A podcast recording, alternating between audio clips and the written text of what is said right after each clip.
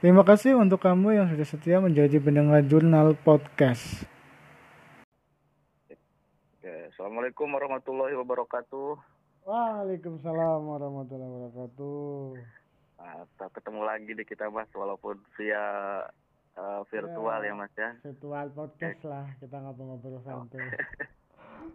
iya kembali lagi kita dengan Mas Hulul nih. Mas Hulul ini kebetulan mahasiswa yang ya luar biasa kita sudah kenal lah. Seunusia udah pada kenal Mas Hulul lah ya. Biasa di luar seorang organisatoris dan juga apa punya intelektual yang tinggi lah beliau ini.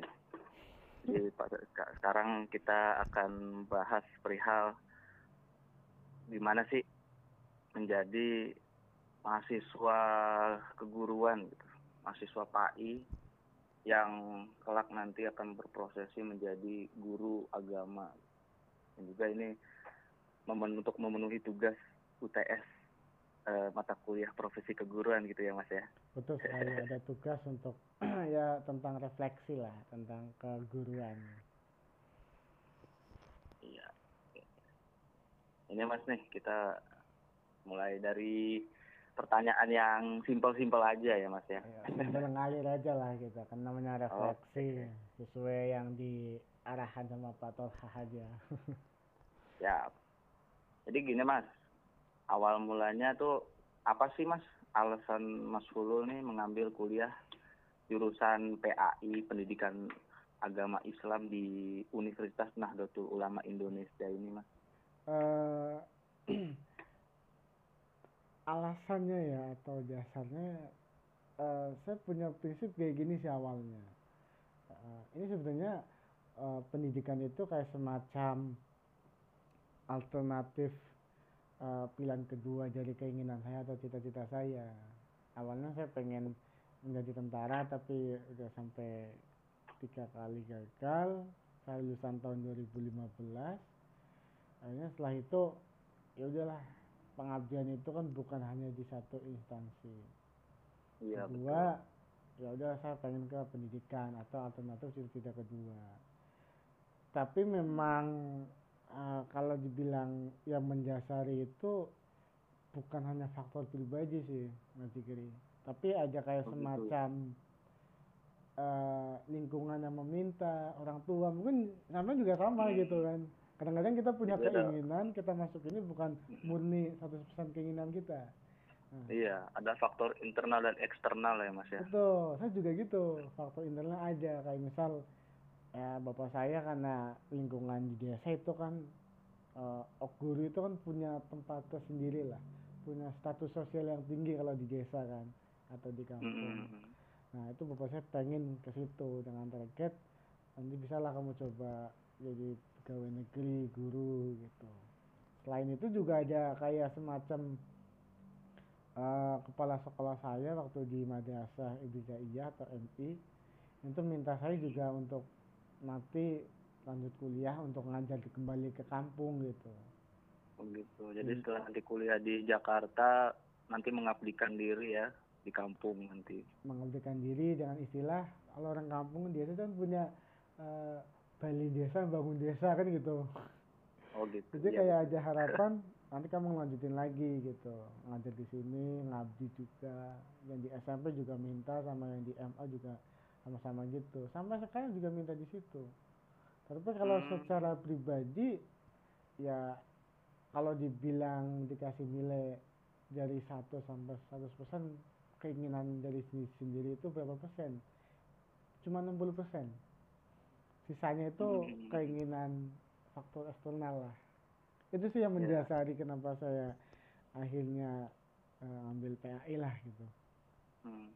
jadi jatuhnya kebutuhan masyarakat di kampung Mas Hulu jadinya betul bukan masyarakat, masyarakat terus kayak ada semacam ya kebetulan saya juga karena di kampung kan uh, ya karena bapak saya seorang juga aktif kepengurusan MWC jadi mau nggak mau saya sering terlibat akhirnya juga lama-lama yang ikut lah ikut di organisasi yeah. Taruna.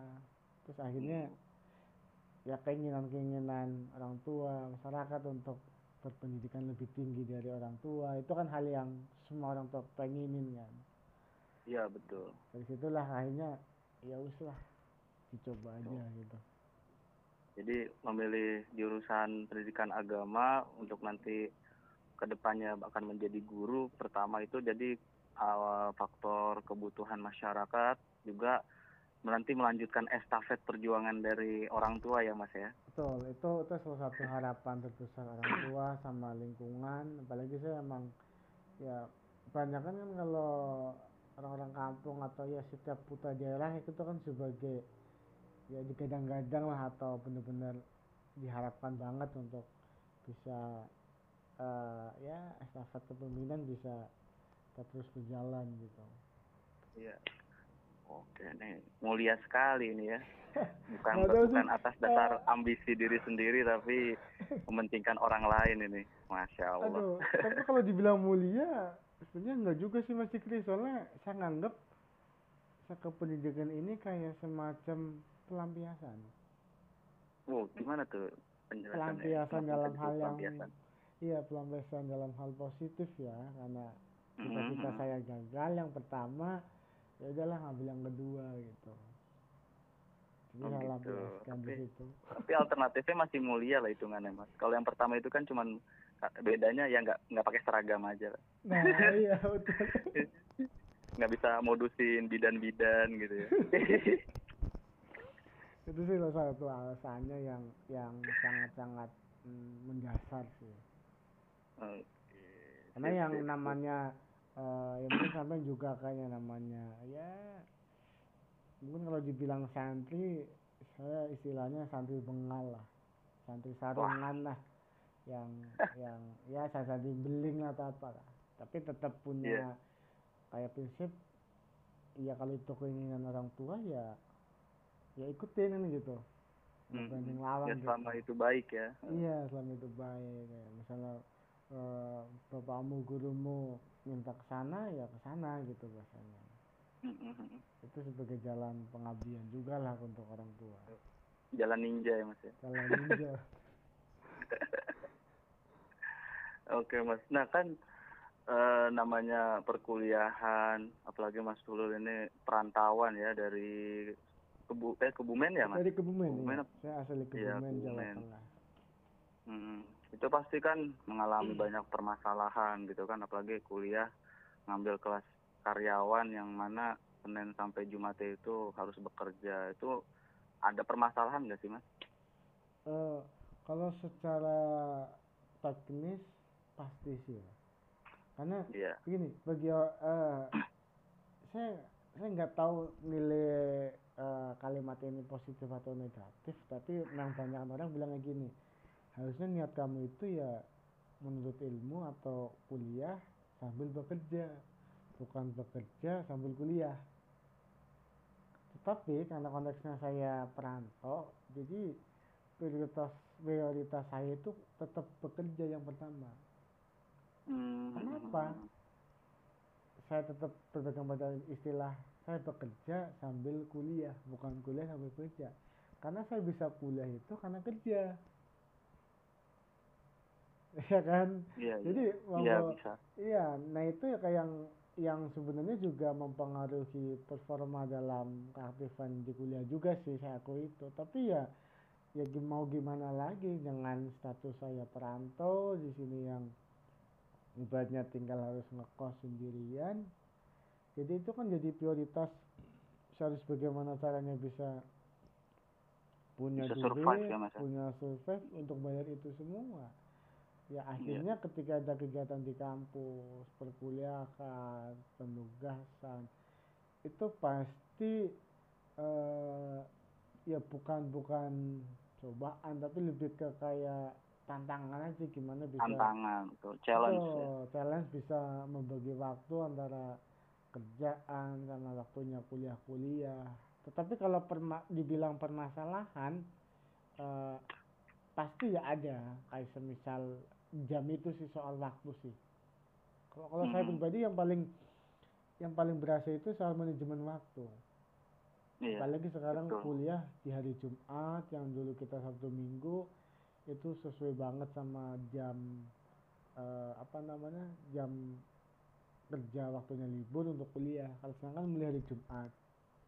Nah itu iya. itu berasa banget aduh tantangannya lah gimana nih bisa imbangin gak gitu antara mm -hmm. kuliah mensiasati waktunya juga ya mas ya? Iya betul. Itu kalau menurut saya mungkin sebagian perantau juga ngerasain gitu sih yang nyambi kuliah.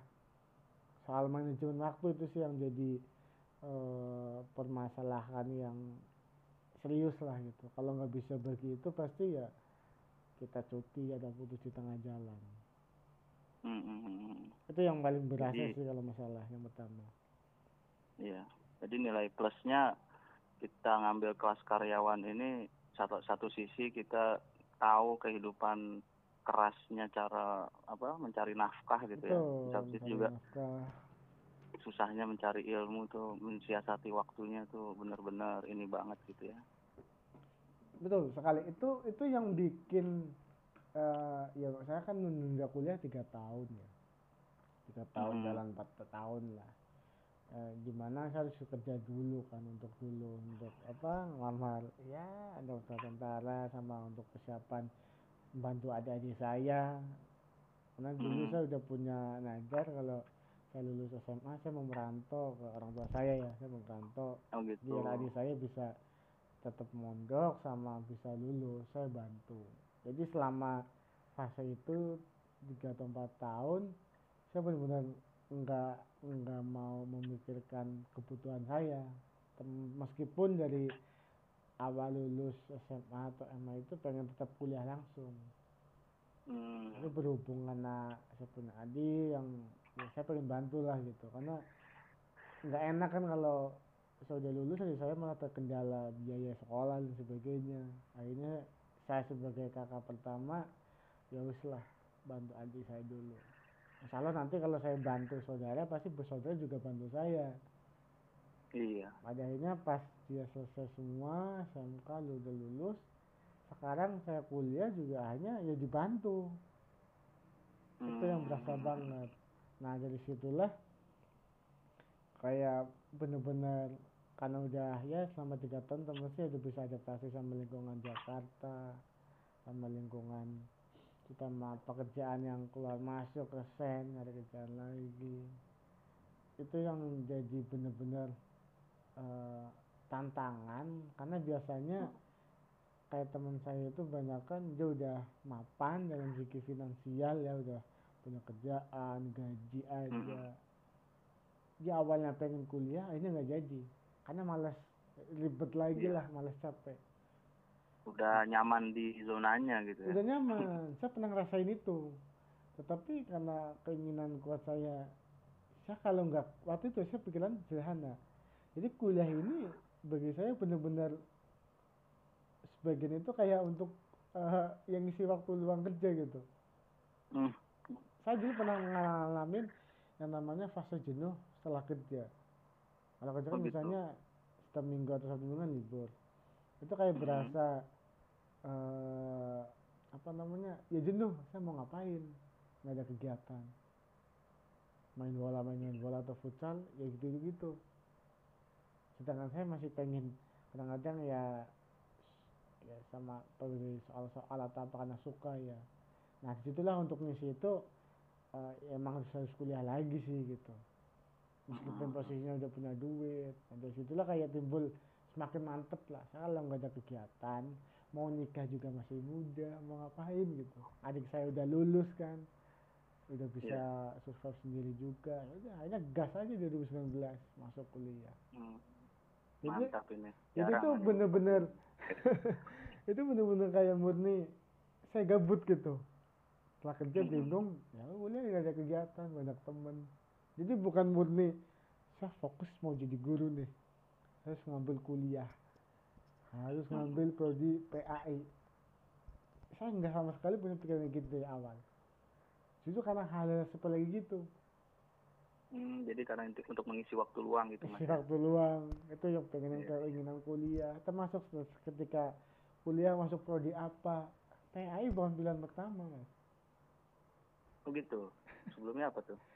Sebelumnya saya pengennya teknik termasuk saya suka Oh. di dunia desain grafis kan Mm-mm. ngotak ngatik itulah tentang teknologi apa terus soal eh, apa teknologi kreatif lah tapi berhubung waktu itu kan nggak ada kelas Sabtu Minggu adanya kelas malam nah kelas malam itu masuknya jam 7 saya kerja sampai jam 8 malam sedangkan saya kan di Bekasi kampus di Matraman itu Oh, untuk iya. Oh. pul iya untuk berangkat aja itu udah dua jaman lah apalagi pas makan waktu banyak di jalan ya Nah, pasti nggak bisa nggak bisa eh, kuliah jadinya kan, apalagi kelas malam. Saya saya nggak suka eh, kelas malam juga karena kondisinya udah capek kerja kan. Ya udah, nyari semua prodi yang saya lihat yang paling ini kayaknya PAI deh. Pendidikan agama Islam aja lah. Kalau PGMI saya udah pernah ngerasain ngajar anak MI. Mm-mm. gimana tuh Eh, ya sabar banget. Mm. sabar banget terus akhirnya saya kayak punya pikiran saya perlu karena kan saya eh, saya ngerasain saya suka orangnya suka tantangan ya karena P, Iya. PGMI pikiran saya waktu itu saya udah pernah ngajar di MI ya walaupun bantu perambukannya waktu saya SMA kelas dari kelas 1 Mm. bantu di MI untuk mengisi kegiatan pramuka ya udah kurang lebih tahu lah itu kayak semacam saya udah tahu ini nih dunianya PGMI gini gini ngajar anak MI lah anak SD nah saya pengen ngambil yang yang yang belum saya pelajarin itu kan di PAI perlu di PAI Mm. akhirnya ngambil lah di situ satu kedua itu waktu yang pas Sabtu Minggu gitu ya ya ya ya. Nah, itu yang ketiga, saya punya pikiran untuk itu biasanya kalau mahasiswa ambil kuliah yang kelas karyawan atau weekend, rata-rata dia pekerja. betul Kalau dia pekerja, dia biasa eh, apa namanya kesehariannya itu di bawah tekanan lah, tekanan bos, tekanan kerjaan. Yang Mm, akhirnya pasti. Iya, hanya dia dia punya sikap tanggung jawab ah, terhadap pekerjaannya. Itu pasti nanti tercermin saat kuliah. Mm, betul Sosialnya betul itu kita ketemunya sama orang-orang yang udah berpikiran dewasa gitu. Biasanya kan orang iya dewasa itu karena kondisi keadaan kan. Nah, kalau kerjaan kan itu soal tanggung jawab tanggung jawab itu itu yang bikin orang dewasa juga. Jadi itu kebukti Mhm. sampai sekarang di kelas weekend ternyata teman-temannya juga pikirannya lebih dewasa. Kita ketemu nongkrong yang bahasnya seputar kerjaan gimana nih untuk ada usaha enggak, bisnis enggak, loker. Bukan bahas lagi. Eh dia cantik. Kita ajak nongkrong yuk. Ajak ini enggak. Iya. udah bukan masanya ya mas ya. Bukan masanya. Tapi kalau yang anak lain mungkin kayak gitu. Kita udah Mas. enggak gitu. Orang kita makan aja misalnya ke restoran tuh ke KFC itu kita malah enggak ke gerobak-gerobak aja yang dapat delapan ribu. Iya. Hmm. Lihat budget. Iya jadi mindsetnya itu emang udah berbeda gitu daripada saya teman-teman teman-teman yang lain gitu. Yang selain non Iya. itu yang saya rasain banget. Hmm, oke oke oke. Ini betul-betul inspirasi sekali ini ya. Anak muda yang bisa memanfaatkan waktunya ya seproduktif mungkin Senin sampai Jumat kerja dan di hari liburnya di mana waktu yang cocok untuk rebahan ya. Buat istirahat tapi dimanfaatkan untuk kuliah gitu ya mas ya. Mantap sekali ini benar. Ya itu nggak tahu tuh itu karena doa orang tua akhirnya jadi kebuka pikiran saya atau nggak tahu. Mhm. banyak faktor lah.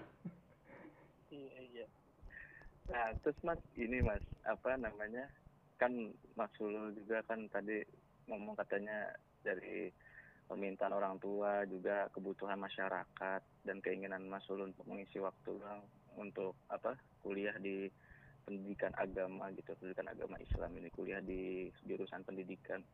Ketika Mas menjalani kuliah di pendidikan ini eh, pandangan Mas gimana tuh? Expect apakah ada perbedaan gitu antara ekspektasi dan realita gitu kan ketika ekspektasi nanti kuliah di pendidikan bakal seperti ini eh ternyata realitanya berkata lain gitu. Ada gak mas? Kira-kira. Eh yang paling ada. Kalau dibilang ada atau enggak ada pasti.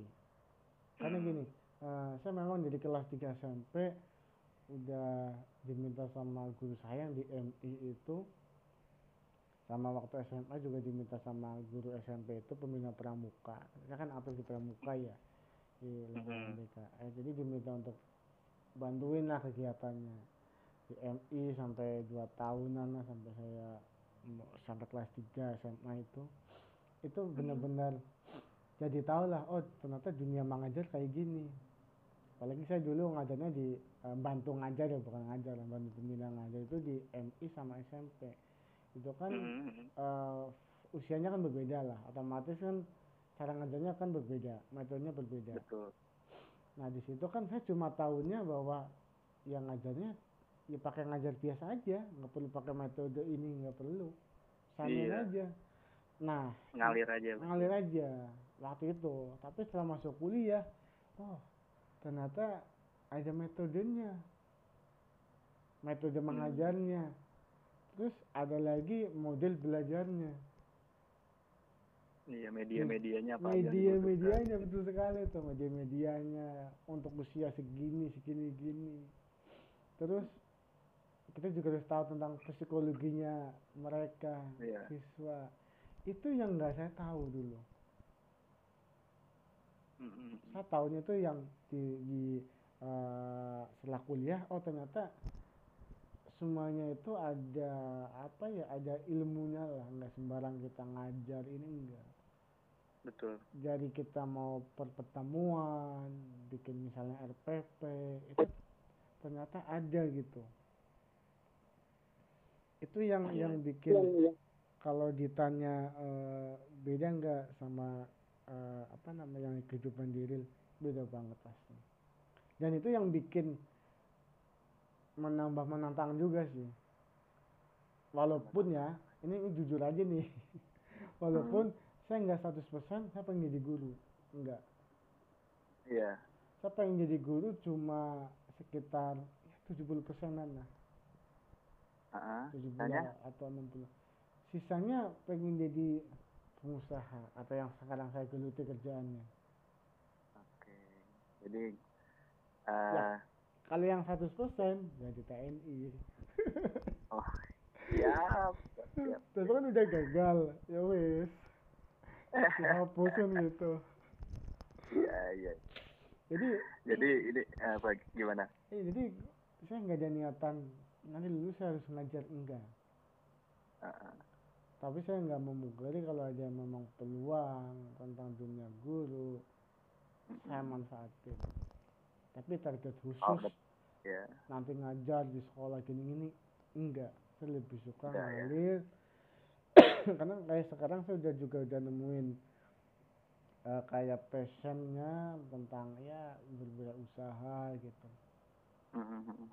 itu sih yang yang ngebuat eh, bukan bukan prioritas utama saya saya pengen jadi guru setelah ini. Tapi dengan dengan eh, pemikiran kayak gitu bukan berarti saya nggak maksimalin di kampus. Justru karena saya nemuin perbedaan di kehidupan nyata sama di kampus kayak misal yang tadi sebutin ya ngajar itu ternyata ada metodenya ada Hmm. manajemennya. Itu yang bikin antusias juga ngikutin kuliah. Kenapa? Ya kembali lagi saya suka tantangan terutama hal-hal yang belum saya tahu. Itu kayak merasa tertarik banget. Hanya Hmm, penasaran oke. tetap tetap fokus itu bukan kalau teman-teman kan eh, ditanya besok kamu ngajar dong? Iya pengen jadi guru. Masa enggak? Kalau dipilih ditanyain lul besok lulus jadi guru langsung? Saya bilang enggak sih. Saya bilang gitu. Mhm, belum tentu ya. Belum tentu. Belum Iya. tentu. jadi setelah Mas Kulur kuliah dan juga sebelumnya juga punya pengalaman mengajar jadi punya apa istilahnya punya pengalaman dan punya eh, mindset baru ya. Jadi Mindset baru, guru itu betul. nggak sekedar guru nggak sekedar hanya ngajar aja ya. Ternyata guru itu juga butuh persiapan yang matang dari mulai metode media dan juga eh, persiapan bagaimana cara menangani anak dari level sekian sampai sekian uh, berdasarkan psikologi anak tersebut gitu ya mas ya? nah betul banget. Itu memang uh, ternyata ada gitu. Itu yang belum saya dulu hmm. belum saya ketahui ya. jadi basicnya udah ada ya tinggal melengkapi aja biar ya. melengkapi ya. iya betul tapi uh, saya punya pemikiran bahwa meskipun saya nggak 100% nanti pengen jadi guru tapi hmm. kalau saya bisa di beberapa bidang disiplin ilmu itu bagi saya sebuah ya ya apa ya sebuah ya apa namanya ya keuntungan gitu keberuntungan mm-hmm. Betul betul. Jadi kayak misalnya sekarang saya kan kerjanya memang belum mengajar. Dulu juga dulu lah waktu sekolah memang punya pengalaman bantu pembina pramuka mengajar. Tapi sekarang kan profesinya bukan mengajar selama kuliah mm-hmm. tapi lebih ke ya kerja di dunia uh, wirausaha lah. Meskipun dibilang agak melenceng tapi justru saya senang ketika saya nanti uh, di dunia ini berusaha saya suka di dunia guru juga suka hmm. di lingkungan seragam loreng juga suka. Itu bagi saya sebuah keberuntungan. Dan nanti kalau memang nasib kita nggak tahu kita udah punya bekal di situ. Betul betul. Karena oke okay, misalnya saya, saya sekarang lebih suka pengen jadi pengusaha. Tapi kalau nasib hmm. saya nanti jadi guru ya saya nggak berapot lagi. Udah punya bekal punya pengalaman iya. di situ ada ilmunya itu sih lebih ke persiapan uh, kita nggak tahu nasibnya gitu makanya Betul. ya memang belajar itu nggak kenal waktu iya dan juga ini ya mas ya dengan ada dengan tadi uh, Mas pendapat Mas yang katanya apa namanya tidak ingin menjadi guru tapi menjadi wirausaha gitu kan saya yeah. teringat jauh jauh Mbah Mun gitu kan jadi ketika kita memilih untuk menjadi guru untuk menjadi pengajar itu jangan sampai kita uh, apa namanya uh, terlalu fokus dengan apa yang dengan dengan mengajar kita. Gitu. jangan menjadikan guru itu profesi gitu. Betul. jadi kita mencari uang dari profesi dari guru profesi kita sedangkan guru. itu kan panggilan hati, pengabdian. untuk masyarakat dengan tujuan UUD ya, mencerdaskan bangsa gitu kan. Jadi untuk nafkah dan materi lain sebagainya itu bisa dicari dengan uh, di tempat yang lain gitu ya, melalui usaha atau lain sebagainya gitu ya Mas ya. Betul. Dan kalau orang orang muslim kan apalagi orang-orang pesantren itu jadi dengan kata keberkahan lah Nah, guru nah, itu, itu banyak keberkahan tuh. Iya. Saya juga ngerasain soalnya dulu. Cuma bantu gitu. bantu ngajar.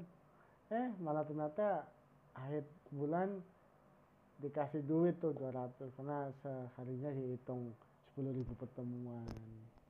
Mm-hmm. Terus ada event misalnya pramuka, kemah atau pesami itu dapat ya, jambore gitu ya, iya, ya keliling. Jambore keliling. Yang akhirnya keberkahan itu saya ngerasain bahwa saya SMA udah nggak dijatah uang jajan lagi hmm. karena saya udah punya penghasilan sendiri untuk jajan iya. Jadi Mas Sulul ini udah merdeka finansial ya jadi uh, enggak, enggak, belum belum enggak sampai Hah? kalau merdeka finansial saya udah nikah harusnya ya seenggaknya udah bisa lah cari duit sendiri tanpa harus berprofesi menjadi guru gitu. Jadi kelak nanti misalkan terjun di dunia pendidikan betul. Ya. Sudah siap nggak gitu. nggak mau uh, uh, betul. Di mana nggak mengharap siap. mengharap mengharap nafkah dari guru gitu. Jadi menjadikan guru sebagai profesi gitu ya. Sebagai profesi seperti kayak sekarang kan misalnya tidak berusaha. Nanti kalau misal nasib saya jadi pengusaha kan masih tetap bisa membantu anak-anak gitu. Nah itu menyumbang yeah. atau apa. Jadi memang uh, saya punya punya pun jadi punya apa ya punya pemikiran lebih terbuka bahwa untuk bagi saya ya untuk melakukan hmm. sesuatu itu kita jangan terlalu fokus terhadap outputnya nanti misalnya mau jadi guru nih ya, targetnya harus PNS harus di ngajar di sekolah negeri biar gajinya gede bagi iya. saya itu ah, buang jauh-jauh dulu hmm. karena nanti malah kalau nggak ini timbul kekecewaan betul. Artinya apa? Balik pada niat awal ya niat iya. awalnya untuk kalau saya lebih diri. eh, lebih eh, sekarang itu setelah beberapa kali dapetin kegagalan-kegagalan itu kayak punya ilmu kehidupan itu satu bahwa ya kita lakuin ini ya kita maksimalin aja. Ya mau misalnya kuliah kuliahnya udah di PAI entah itu bukan prodi yang kamu inginin ya udah maksimalin aja kerja belum jadi guru ya? Maksimalin aja karena nanti semua itu tetap akan bersaling berkaitan ya. Ya nah kayak misalnya kita mau mengabdi dunia pendidikan kita kan nggak jadi guru. Kita jadi bidan kita jadi pengusaha bisa tuh bantu. Betul. Ke sekolah bangun atau apa. Nah itu saya baru dapetin setelah melewati beberapa kegagalan itu. Hmm, jadi jangan terpaku hanya fokus ya saya mau fokus ini ya udah fokus ini aja. Target aspirasi tinggi. Tapi lupa bahwa matematika kita itu berbeda sama matematika Allah kan atau Tuhan kita. Betul. Itu yang yang biar orang itu oke kita punya harapan tinggi aspirasi tinggi. Tapi jangan lupa kita punya re- realita. Yang nggak bisa kita ditinggal cuma bisa gitu merencanakan tapi Tuhan yang menentukan gitu ya. menentukan. Nah itu benar-benar harus kita pakai untuk untuk apa? Kayak kata Cak Nun. Hidup itu harus Mhm. tahu kapan ngegas kapan ngerem. Mantap. Nah itu. Itu ilmu kehidupan itu Mas Jikri iya iya iya iya menarik menarik. Ini perlu disebarluaskan ini pemahaman ini nih. Jadi kelak nanti calon-calon guru ya jangan sampai menjadikan profesi guru itu untuk mencari uang. Ya pasti nanti kan ada bisyarah atau uang ininya lah uang transport dan sebagainya. Tapi jangan menjadikan itu sebagai tujuan gitu. Betul. Tetap tujuan menjadi guru itu ya eh, bermanfaat untuk orang lain dan mengabdikan diri untuk masyarakat. Seperti itu ya mas ya. Betul. Tapi begini Mas Jikri kan kadang orang ada Hmm. yang punya pikiran lah kamu nggak itu bukan produk keinginanmu terus kamu sia-sia dong. Dalam artian materi yang disampaikan dosen nggak nggak bisa kamu terima nggak bisa kamu eh, apa namanya pahami. Kan kadang ada punya pikiran gitu kan karena dianggap bukan keinginanmu. Justru kalau saya pribadi karena saya punya eh, ya saya merasa saya suka tantangan justru kayak sebagai tantangan juga nih. Memang awalnya sulit ber- beradaptasi mungkin tapi lama kelamaan karena sikap penasaran itu suka tantangan itu akhirnya ya mengalir semuanya. Jadi kalau dibilang eh, eh, bisa nggak dimanfaatin materi saat ini tentang kuliahan atau prodi? Sangat bisa. Hmm. sangat kayak misalnya eh, mata kuliah kita kan ngajar psikologi itu kan sebenarnya bukan hanya dipakai di lingkungan sekolahan doang betul betul tapi bisa saya pakai di lingkungan kerja saya juga Mm, gimana ketika cara memahami orang ya. memahami orang ketemu klien sama teman atau apa customer Hmm. itu kan kepake Hmm.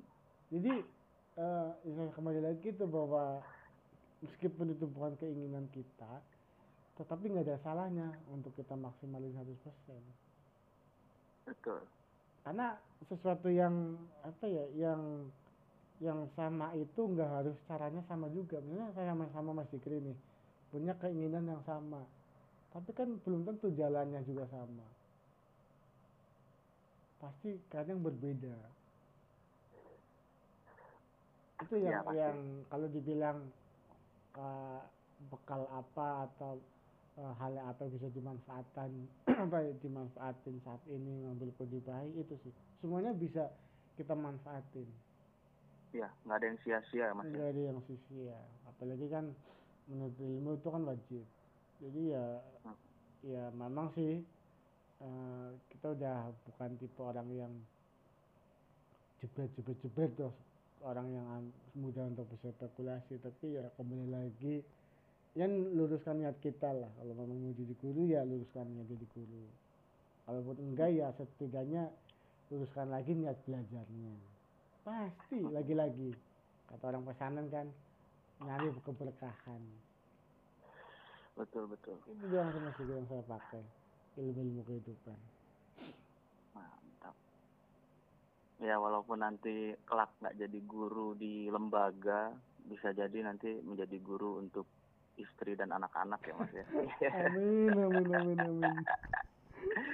Iya iya iya. Itu sih nah ini mas terakhir nih mas nih. Kan Oh, apa nih? eh, materi kuliah kita ini kan tentang profesi keguruan nih. Apa sih yang mas dapat dari eh, materi-materi yang disampaikan oleh Pak Toha di mata kuliah profesi keguruan ini? Eh sebenarnya kalau dari Patoha ya pasti dapat banyak ya kayak wawasan baru tentang eh, profesionalisme ya terhadap profesi.